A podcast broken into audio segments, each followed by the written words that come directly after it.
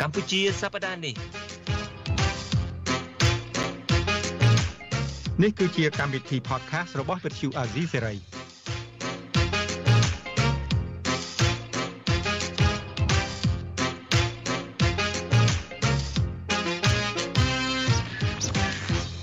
ខ្ញុំបាទយ៉ងច័ន្ទតារាសូមជម្រាបសួរលោកនាងអ្នកស្ដាប់វិទ្យុអាស៊ីសេរីទាំងអស់ជាទីមេត្រីនៅក្នុងកម្មវិធី podcast កម្ពុជាសប្តាហ៍នេះហើយខ្ញុំបាទក៏សូមជម្រាបសួរបងសេចបណ្ឌិតដែរបាទមានសួរតារាបាទយ៉ាងមិនដែរសុខទុក្ខបងសេចបណ្ឌិតខានជួបគ្នាមួយរយៈនេះក្រោយពីវិលត្រឡប់មកវិញពីវិស្មការហ្នឹងសុខទុក្ខយ៉ាងណាដែរបាទបាទអឺរឿងសុខទុក្ខវាជាធម្មតាទេយើងបានដើរកំសាន្តនៅក្រៅផ្ទះឆ្ងាយផ្ទះអញ្ចឹងមានអារម្មណ៍ថាអឺដូចជាបានស្វែងយល់ពីអ្វីដែលថ្មី ក្នុងរយៈពេល1ឆ្នាំម្ដងឬក៏2ឆ្នាំម្ដងដែរហើយឡើយតែជែកឆ្លើយតបជាមួយនឹងតារាស៊ូខ្ញុំភ្លេចជំរាបសួរលោកនាងដែលកំពុងតាមដានស្ដាប់កម្មវិធី podcast របស់វិទ្យុអេស៊ីរីក្នុងកម្មវិធីកម្ពុជាសប្តាហ៍នេះសង្ឃឹមថាលោកនាងក៏ទទួលបានសុខភាពល្អហើយសុខទុក្ខធម្មតា ទៅតាមអ្វីដែលបានកើតឡើងជាប្រចាំថ្ងៃដែរបាទលោកអ្នកនាងជាទីមេត្រីសប្តាហ៍នេះលោកអ្នកនាងនឹងមិនឃើញលោកសំពូលីនិងលោកជុនច័ន្ទបុតដែលជាស្ថាបនិកនៃកម្មវិធី podcast របស់យើងទេដោយសារតែពួកគាត់មានទុរៈអឺផ្សេងផ្សេងចឹងទៅហើយចាត់តាំងឲ្យពួកយើងទាំងពីរនាក់ហ្នឹងមកកាន់កម្មវិធីនៅក្នុងសប្តាហ៍នេះហើយកម្មវិធីយើងសប្តាហ៍នេះយើងមានភ្ញៀវមួយរូបអញ្ជើញចូលរួមជាមួយយើងនៅពេលនេះគឺលោកថនរដ្ឋា រដ្ឋាគឺជាសកម្មជនចលនាមេដាធម្មជាតិដែលធ្វើកិច្ចការងារផ្នែកការពារបរិស្ថាននិងសិទ្ធិមនុស្សនឹងអស់រយៈពេលជាច្រើនឆ្នាំណាស់មកហើយនៅពេលនេះខ្ញុំបាទនឹងបងសេចក្ដីសូមជម្រាបសួររដ្ឋាបាទបាទជំរាបសួររដ្ឋាបាទជំរាបសួរបាទជំរាបសួរពូហើយនឹងជំរាបសួរបងហើយនឹងបងប្អូនអ្នកស្ដាប់ផងដែរហើយសប្បាយចិត្តដែលបានចូលរួមជាភ្ញៀវថ្ងៃនេះហើយតែអត់ទាន់បានជួបជើងចាស់ទាំងពីរតែមិនថ្មីទេថ្ងៃនេះបានជើងថ្មីមករូបជើងជើងចាស់មានមួយដែរ ចាស់ហើយបាទនៅចិត្តហ្នឹងមានចាស់ម្នាក់ដែរបាទយុវចាស់កុំប្រអាប់គាត់អីវាអត់គាត់ចុះពីកម្មវិធីឥឡូវនេះឥឡូវហើយកុំប្រអាប់ចាស់អត់បានទេបាទ រូបរាងនៅតែក្មេងសំលេងនៅតែជាគេហៅថាសំលេងដ៏ក្អួនកៅអៅពីរោះសម្រាប់អ្នកស្ដាប់ខ្ញុំមុននឹងចូលគេងហ្នឹងស្ដាប់បងសេចបណ្ឌិតសិនមុនចូលបាទអូអរគុណណាស់ចុះបានឡើងឈាមមកកម្រិតទៀតលេងលេងសូវអស់កម្លាំងបានទេមុនដំបូងថាលោកចាស់ចាស់ហើយគេមិនសូវប្រើទោះឲ្យក្មេងៗដូចតារាអញ្ចឹងណាលេងសាយមិនបានទេរដ្ឋាលោកសេចបណ្ឌិតនេះណាបងសេចបណ្ឌិតនេះណាក្នុង កាយឡ័យរបស់យើងគាត់ជាបុគ្គលជាទីពឹងទីរលឹកមួយរូបដែរណាឲ្យតែថាត្រូវបញ្ចូលសម្លេងព័ត៌មានណាធំក្តៅក្តៅហ្នឹងគឺថាបញ្ជូនទៅគាត់ហើយពីព្រោះថាសម្លេងរបស់គាត់ពិតជាកូនកៅអៅមែនហើយរដ្ឋានិយាយនេះគឺជាការពិតហើយអរគុណណាស់សូមបន្តធ្វើកម្មវិធី podcast ឲ្យបានច្រើនជូជូធ្វើតែដល់ខ្សែតែម្ដងអត់បីអត់មានការគ្រប់គ្រងនិងការចូលចិត្តស្ដាប់ពីលោកនាងទាំងអស់ បាទសប្តាហ៍នេះយើងជជែកជាមួយរដ្ឋាគឺតកតងទៅនឹងសារៈសំខាន់នៃការចូលរួមរបស់យុវជននៅក្នុងកិច្ចការពារបរិស្ថាននិងធនធានធម្មជាតិព្រមទាំងការការពារសិទ្ធិមនុស្សផងដែរហើយយើងបានដឹងថារដ្ឋាជាមួយនឹងក្រមមេដាធម្មជាតិជាច្រើនអ្នកទៀតហ្នឹងបានរយៈពេលជាច្រើនឆ្នាំមកហ្នឹងបានខិតខំណាស់ដើម្បីជួយការពារបរិស្ថាននិងធនធនធានធម្មជាតិនៅប្រទេសកម្ពុជាជាពិសេសគឺនៅក្នុងតំបន់ខេត្តកោះកុងតែម្ដង ហើយដោយសារតែសកម្មភាពសកម្មនិយមផ្នែកបរិស្ថាននិងធនធានធម្មជាតិនឹងហើយដែលធ្វើឲ្យរដ្ឋាខ្លួនឯងហើយនិងយុវជនជាច្រើនអ្នកទៀតនៃចលនាមេដាធម្មជាតិនឹងត្រូវបានចាប់ដាក់ពន្ធនាគារជាបន្តបន្ទាប់ដោយចោតប្រកាន់ពីបទរងការចោតប្រកាន់ពីបទល្មើសព្រហ្មទណ្ឌអញ្ចឹងជាដើមរដ្ឋាតើអ្វីដែលតបស្នងមកវិញនេះអឺ បងអូនមានទស្សនៈបែបណាដែរដូចថាមានការខកចិត្តឬមួយក៏មានការតូចចិត្តអីយ៉ាងណាដែរនៅពេលដែលភាពសកម្មនិយមរបស់យើងប្រែคล้ายទៅជាបទល្មើសទៅវិញនៅក្នុងខ្សែភ្នែកអាជ្ញាធរនោះបាទរដ្ឋាខ្ញុំឈឺចាប់ខ្ញុំឃើញអង្គើអយុធធរខ្ញុំឃើញការទាញយកធនធានធម្មជាតិដែលអត់មានតម្លាភាពប៉ះពាល់មកដល់ជីវភាពរបស់ប្រជាជនខ្ញុំឃើញអាការរំលោភច្បាប់ផ្សេងផ្សេងហ្នឹងគឺ ទៅជំរុញឲ្យខ្ញុំហ្នឹងបោះបង់កន្លែងដែលអាចថាធ្វើការងារនៅនៅវិស័យឯកជននៅភ្នំពេញហើយនឹងអាចថាយើងនៅម៉ាស៊ីនត្រជាក់យើងនៅកន្លែងដែលព្រោះពីយើងចប់បញ្ញាបត្រនេះយើងអាចមានឱកាសល្អធ្វើការខ្លាចជាអ្នកមានអីឧទាហរណ៍ប៉ុន្តែខ្ញុំដូចគ្មានគ្មានអារម្មណ៍ទាំងអស់ហ្នឹងឯនៅពេលដែលខ្ញុំឃើញធនធានរបស់ខ្ញុំត្រូវបានបំផ្លាញហើយប្រទេសរបស់ខ្ញុំ អត់មានការគោរពច្បាប់ត្រឹមត្រូវហ្នឹងទើបជំរុញឲ្យខ្ញុំហ្នឹងលះបង់ភាពសំណុកទុកស្រួលឃ្លាតឆ្ងាយពីគ្រួសារទៅធ្វើការនៅក្នុងខេត្តកោះកុងនៅក្នុងព្រៃហើយខ្ញុំចាំបានថាពេលហ្នឹងគឺនៅកន្លែងដែលអឺមានអាកាសធាតុអត់សូវអំណោយផលខ្ញុំចាំថាខ្ញុំទៅចំពេលដែលខែភ្លៀងរហូតនៅកោះកុងហើយខ្ញុំព្យាយាមទ្រាំនៅជាមួយនឹងស្ថានភាពទាំងអស់ហ្នឹងដោយសារតែ ខ្ញុំចាប់ខ្ញុំទ្រាំលេងបានអញ្ចឹងបើបើត្រឡប់មកវិញអឺរឿងដែលកើតឡើងសម្រាប់សម្រាប់ខ្លួនខ្ញុំក៏ដូចជាសម្រាប់សកម្មជនចលនាមេដាធម្មជាតិទាំងអស់វាជារឿងដែលពួកយើងត្រៀមខ្លួនរួចជាស្រេចហើយវាជាជាអាចថាជាបងប្អូនមើលទៅឈឺចាប់ប៉ុន្តែសម្រាប់ពួកយើងវាគ្រាន់តែជាការពិតដែលយើងនឹងតែប្រជួបហើយយើងអត់អាចជៀសផុតពីការពិតទាំងអស់នឹងបានទេអញ្ចឹងបានជាខ្ញុំអាចធ្វើសកម្មភាពទាំងអស់ហ្នឹងរហូតដល់គេចាប់ដាក់គុកចាប់ដាក់គុកហ្នឹងក៏នៅតែខ្ញុំបងបងសីពូសីបណ្ឌិតហើយនឹងបងតារាប្រហែលជាធ្លាប់ឃើញរូបភាពមួយស្លឹកដែលបង្ហាញថាខ្ញុំលើកដៃហើយខ្ញុំនៅតែញញឹមពេលដែលគេចាប់ឃើញបាទបាទខ្ញុំដឹងថាបាទខ្ញុំដឹងថាខ្ញុំខ្ញុំខ្ញុំនឹងមានថ្ងៃដែលតដេកនៅគុកខ្ញុំនឹងមានថ្ងៃដែលប៉ូលីសមកចាប់ដាក់ខ្នោះពាក់ឯកសន្តានអ្នកទោសខ្ញុំបានត្រៀមត្រៀមតាំងពីខ្ញុំ ហ៊ានហៅខ្លួនឯងថាជាសកម្មជនចលនាមេដាធម្មជាតិមកម្លេះបាទមែនតើទៅមេដាធម្មជាតិយ៉ាងហោចណាស់ក៏ជិត10នាក់ដែរណាបងបណ្ឌិតបើយើងនៅចាំមានខ្ញុំនៅចាំច្បាស់ណាស់គឺមានសាន់ម៉ាឡាត្រីសុវិគាស៊ីមសំណាង3នាក់ហ្នឹងដំបូងត្រូវបានគេចាប់ដាក់ពន្ធនាគារនៅខេត្តកោះកុងដោយសារគាត់សកម្មរឿងតវ៉ាប្រឆាំងការបូមផ្សាច់អនាធិបតេយ្យក្រោយមកទៀតមានហ៊ុនវណ្ណៈដឹមគុនឌីបាទពីរនាក់ទៀត ហើយបងវណ្ណៈហ្នឹងខ្ញុំក៏អាសាបានសម្ភាសគាត់យើងក៏ធ្លាប់ជួបគ្នាញឹកញាប់ដែរហើយកាលហ្នឹងក៏ជាមួយរដ្ឋាយដែរក្រោយមកទៀតក៏ធ្លាក់ទៅដល់វេនរដ្ឋារដ្ឋាមាន2នាក់គឺរដ្ឋាសុននិងរដ្ឋាថនហើយមានលងគុន្ធាដោយទាំងរស្មីភូនកែរស្មីយមលៀងហ៊ីហើយនិងលីច័ន្ទតារាពុទ្ធគឺថាសឹងតែគ្រប់គ្នានៃចលនាមេដាធម្មជាតិហ្នឹងរងការធ្វើទុកបុកម្នេញក្នុងរូបភាពប្រហាក់ប្រហែលគ្នានឹងឯងបងសេនដិតបាទអឺរដ្ឋាភិបាលគាត់បានរំលឹកថាគ្រប់គ្នាគ្រប់អ្នកសាកសែតតាំងពីខ្ញុំ តឬមួយក៏អ្នកសារព័ត៌មានផ្សេងទៀតប្រកាសជាមិនរំលងទៅលើសកម្មភាពរបស់ក្រមយុវជនដែល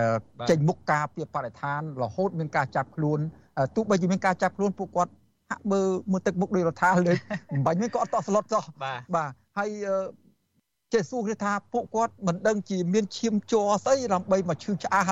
រឿងប្រទេសជាតិរឿងបរិស្ថានទន្ទឹមតែយុវជនមួយចំនួនទៀតដែលគាត់មានឱកាសរៀនសូត្រ គាត់មានឱកាសធ្វើសកម្មភាពក៏ប៉ុន្តែគាត់មិនរៀនសូត្រគាត់មិនធ្វើសកម្មភាពឲ្យសង្គមទេក៏ប៉ុន្តែយកឱកាសនោះទៅប្រព្រឹត្តនៅអំពើអបាយមុខផ្សេងផ្សេង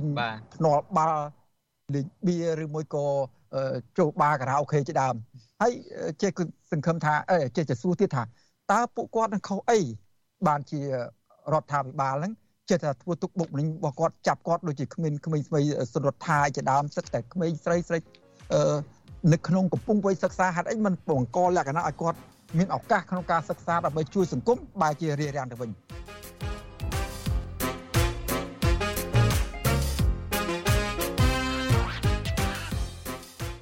ពីមុនហ្នឹងអាចថាចោតពួកយើងតូចតាចទេឥឡូវនេះអឺយើងសិទ្ធិក្បត់ជាតិបាទសិទ្ធិក្បត់ជាតិក្រុមបត់ប្រមាថព្រះមហាក្សត្រដួល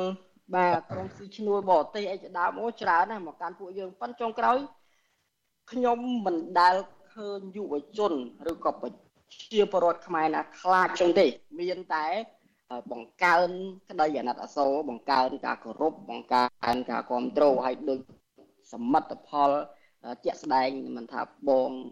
ឬក៏លោកពូបានឃើញយុវជនមានតែចូលរួមជាមួយយើងច្រើនជាងមុនហើយប្លែកប្លែកមុខជាងមុនហើយជាពិសេសហ្នឹង សុទ្ធតែជាធនធានដែលមានចំណេះដឹងពួកគាត់សម័យនេះគេថាលាក់អត់បានទេចង់ចោតខ្ញុំថាក្បត់ជាតិដែរមិនក៏គេច្បាស់ដែរព្រោះមានស៊ីសេរីទោះបីស៊ីសេរីទៅបានគេរដ្ឋបិទតាមនេះតាមនោះក៏ពិតមែនប៉ុន្តែនៅតែអាចផ្សាយតាម Facebook បានព័ត៌មានផ្សេងផ្សេងជាច្រើនហើយយុវជនគាត់មិនមែនល្ងងដូចពីមុនណាគាត់គាត់គាត់មានឱកាសឃើញគាត់មានឱកាសយល់ដឹងដោយខ្លួន ខ្លួនឯងគាត់ទៅឃើញកន្លែងគាត់អញ្ចឹងរដ្ឋាកុំថាកុំថាយុវជនឥឡូវមិនងងដោយយុវជនពីមុនមិនចង់ថាជំនាន់ខ្ញុំរៀងងងទៀតព្រោះអត់មានអត់មាន Facebook ណាគាត់មាន Facebook អត់មានអ៊ីនធឺណិតគេលាក់ស្វ័យតែប៉ះព័ត៌មានតែតែខ្ញុំហ្នឹងគេថាយើងយើងយើងយើងបាត់ព័ត៌មានដែលធ្វើឲ្យយើងហ្នឹងគេថាអត់ដឹងអីសោះគេចង់ថាអឺចេះល្អគឺយើងតាមគេចេះអាក្រក់គឺយើងតាមគេហ្នឹងហើយអញ្ចឹងអាចថាអឺ ពិបាកជាងគេអារឿងរកព័ត៌មានប៉ុន្តែឥឡូវនេះគឺគឺងាយស្រួលមែនតើយុវជនយើងរៀនបានច្រើនណាស់អញ្ចឹងការចោតប្រកាន់ខ្ញុំអត់ប្រសិទ្ធភាពទេមានតែការអនុវត្តធ្វើឲ្យមានប្រសិទ្ធភាពហើយលើកទឹកចិត្តវិញទៅទៅទៅមានប្រសិទ្ធភាពល្អជាងបាទបាទរដ្ឋាភិបាលតកតូននឹងការចោតប្រកាន់ថាក្រមយុវជនបរិស្ថានលុឧត្តមកតេឬមួយក៏ធ្វើការបំរើឲ្យជនបរទេសស៊ីឈ្នួលបរទេសឥឡូវសារភាពព្រមមកដល់ពេលនេះបានធនធានប្រមាណហើយពីការលក់នឹង កើតមានកើតបានប៉ុន្មានហើយឥឡូវនេះអឺបាទបើសិនជាពួកយើងលក់ក្បាលឲ្យបរទេសឬក៏ស៊ីឈ្នួលបរទេសមែនមិនមិនមែនម្នាក់ម្នាក់នៅផ្ទះជួលឬក៏មិនមែនម្នាក់ម្នាក់ហ្នឹងគេហៅថាវេទនាទេគឺប្រហែលជាមានវិឡាមានឡានជិះទំនើបទំនើបហើយបាទហើយរាល់ថ្ងៃនេះសំបីតាកូនទី2របស់ខ្ញុំនឹងកំពុងតែភ័យថាអត់លុយទៅកើត នៅពេទ្យឯកជនទៀតកំពុងតែស្វះស្វែងធ្វើម៉េចទៅរកពេទ្យណាដែលអត់សូវអស់លុយអាចថាប្រហែលជាទៅពេទ្យរដ្ឋទៅទោះបីជាខ្លួនឯងបារម្ភពីបញ្ហាបច្ចេកទេសយ៉ាងម៉េចដោយប៉ុន្តែអត់លុយមានកូនណារដ្ឋាមិនកូនពីរនាក់ស្មាននៅកន្លោះទេនេះមានកូនពីរនាក់ហើយអូស្មាននៅកន្លោះនេះកូនបាទស្មាកន្លោះដូចខ្ញុំដែរឃើញក្មេងបាទ ឥឡូវកាត់បន្តិចចុះបើបើពិបាកអញ្ចឹងអញ្ចឹងដែរហើយនៅប្រឹងបថាទៅអីទៀតបើសិនជាគ្មានបានផលប្រយោជន៍សម្រាប់គ្រួសារខ្លួនឯងផងអីឬមួយក៏សម្រាប់អឺអ្វីមួយដែលហៅថាភាពមានភាពបានសបាយហឺហាផងហើយប្រឹងប្រាថ្នាធ្វើអីទៀតទាំងមានការកម្រិតកំហែងចាប់ចងពីមុខចាប់ចងពីក្រោយចោលពីមុខចោលពីក្រោយផងនេះដូចខ្ញុំអត់ មានអីគេហៅថាសោកស្ដាយនៅពេលដែលខ្ញុំធ្វើសកម្មភាពទាំងអស់ហ្នឹងខ្ញុំតែងតែគិតថាទោះបីជាខ្ញុំម្នាក់ឬក៏គ្រួសារខ្ញុំ3 4នាក់ហូតភ្នែកជិះចាប់ពេលខ្ញុំជាប់ពន្ធនាគារវិជ្ជាអៀតពេលគេគម្រាមកំហែងឬក៏ពេលខ្លះអត់មានលុយសម្រាប់គ្រួសារខ្លួនឯងប៉ុន្តែអាចនិយាយបានថាខ្ញុំកើតមកនៅក្នុងប្រទេសនេះទោះបីជាយ៉ាងណាក៏ខ្ញុំនៅតែហៅខ្លួនឯងថាជាខ្មែរដែរ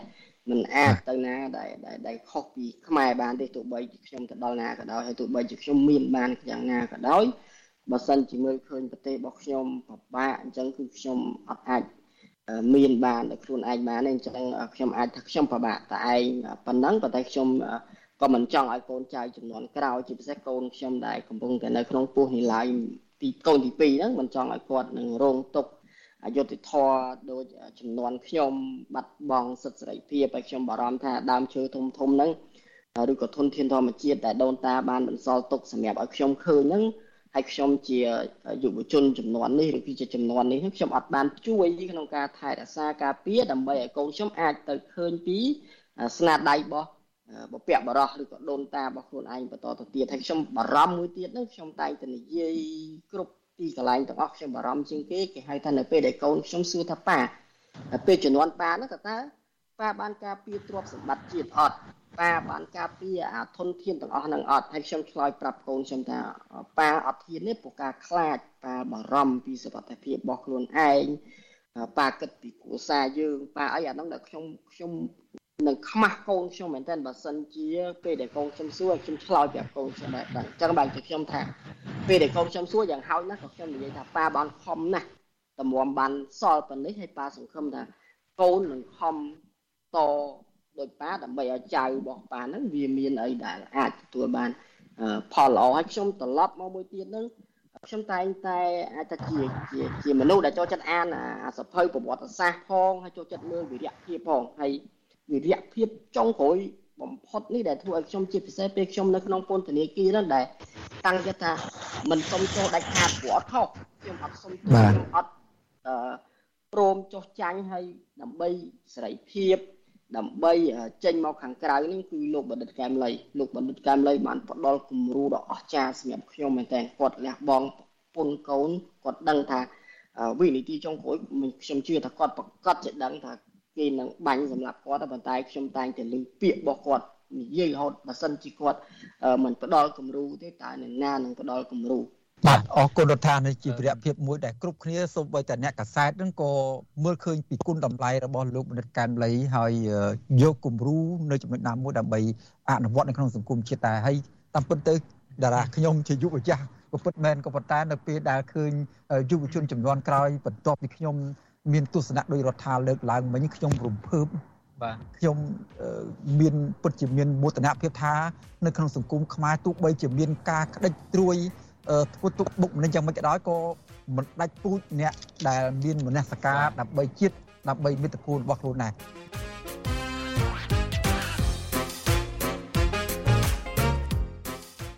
ដូច្នេះខ្ញុំមានសំណួរមួយទៀតទេជាចុងក្រោយបងបណ្ឌិតហើយទស្សនិកជនក៏ប្រហែលជាចង់ដឹងដែរមើលទៅរដ្ឋា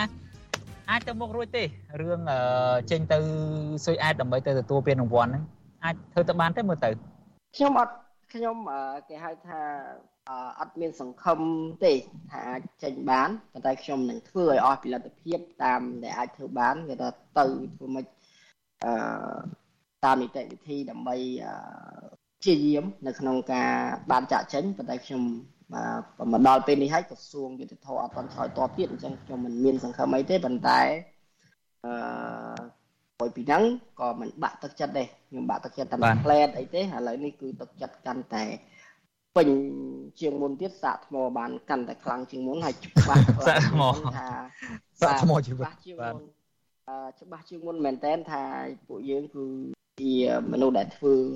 ត្រឹមត្រូវស្របតាមច្បាប់មែនតើហើយទៅគេបារម្ភគេខ្លាចរហូតសូម្បីតែយើងប្រើប្រាស់គ្រប់នីតិវិធីក៏គេមិនអនុញ្ញាតអញ្ចឹងខ្ញុំជឿថាការកាត់ក្តីពីមុនមកឬក៏ការចោតប្រកាន់ពួកខ្ញុំរឿងរួមគំនិតក្បត់រឿងអីទាំងអស់ហ្នឹងគ្រាន់តែជាលខោនគ្រាន់តែជាការរដ្ឋបတ်សិទ្ធិសេរីភាពទេមិនមែនជាគេថាមានបទល្មើស ដូចគេថាឯងបាទគឺគេគេគ្រាន់តែធ្វើម៉េចកុំឲ្យខ្ញុំបន្តសកម្មភាពភាពសកម្មរបស់ខ្ញុំបន្តទៀតដើម្បីអឺកុំឲ្យមានសម្លេងរំខានងាយក្នុងការធ្វើអីតាមចិត្តបាទបាទនឹងឯងចង់ឬមិនចង់ទោះបីជាថារដ្ឋាឬមួយក៏ក្រមយុវជនមេដាធម្មជាតិមានទាំងរងមន្ធាភូនកែរស្មីផងមិនបាន ទោះជាក្នុងកលៈទេសៈដែលมันបានទៅទទួលពានរង្វាន់ក៏ដោយក៏យើងជឿជាក់ថារូបភាពរបស់អ្នកទាំងអស់គ្នាសកម្មភាពរបស់អ្នកទាំងអស់គ្នានឹងត្រូវបានបង្ហាញលើលើផ្ទាំង slide show ឬមួយក៏ក្នុងមធ្យោបាយណាមួយនោះទៅដល់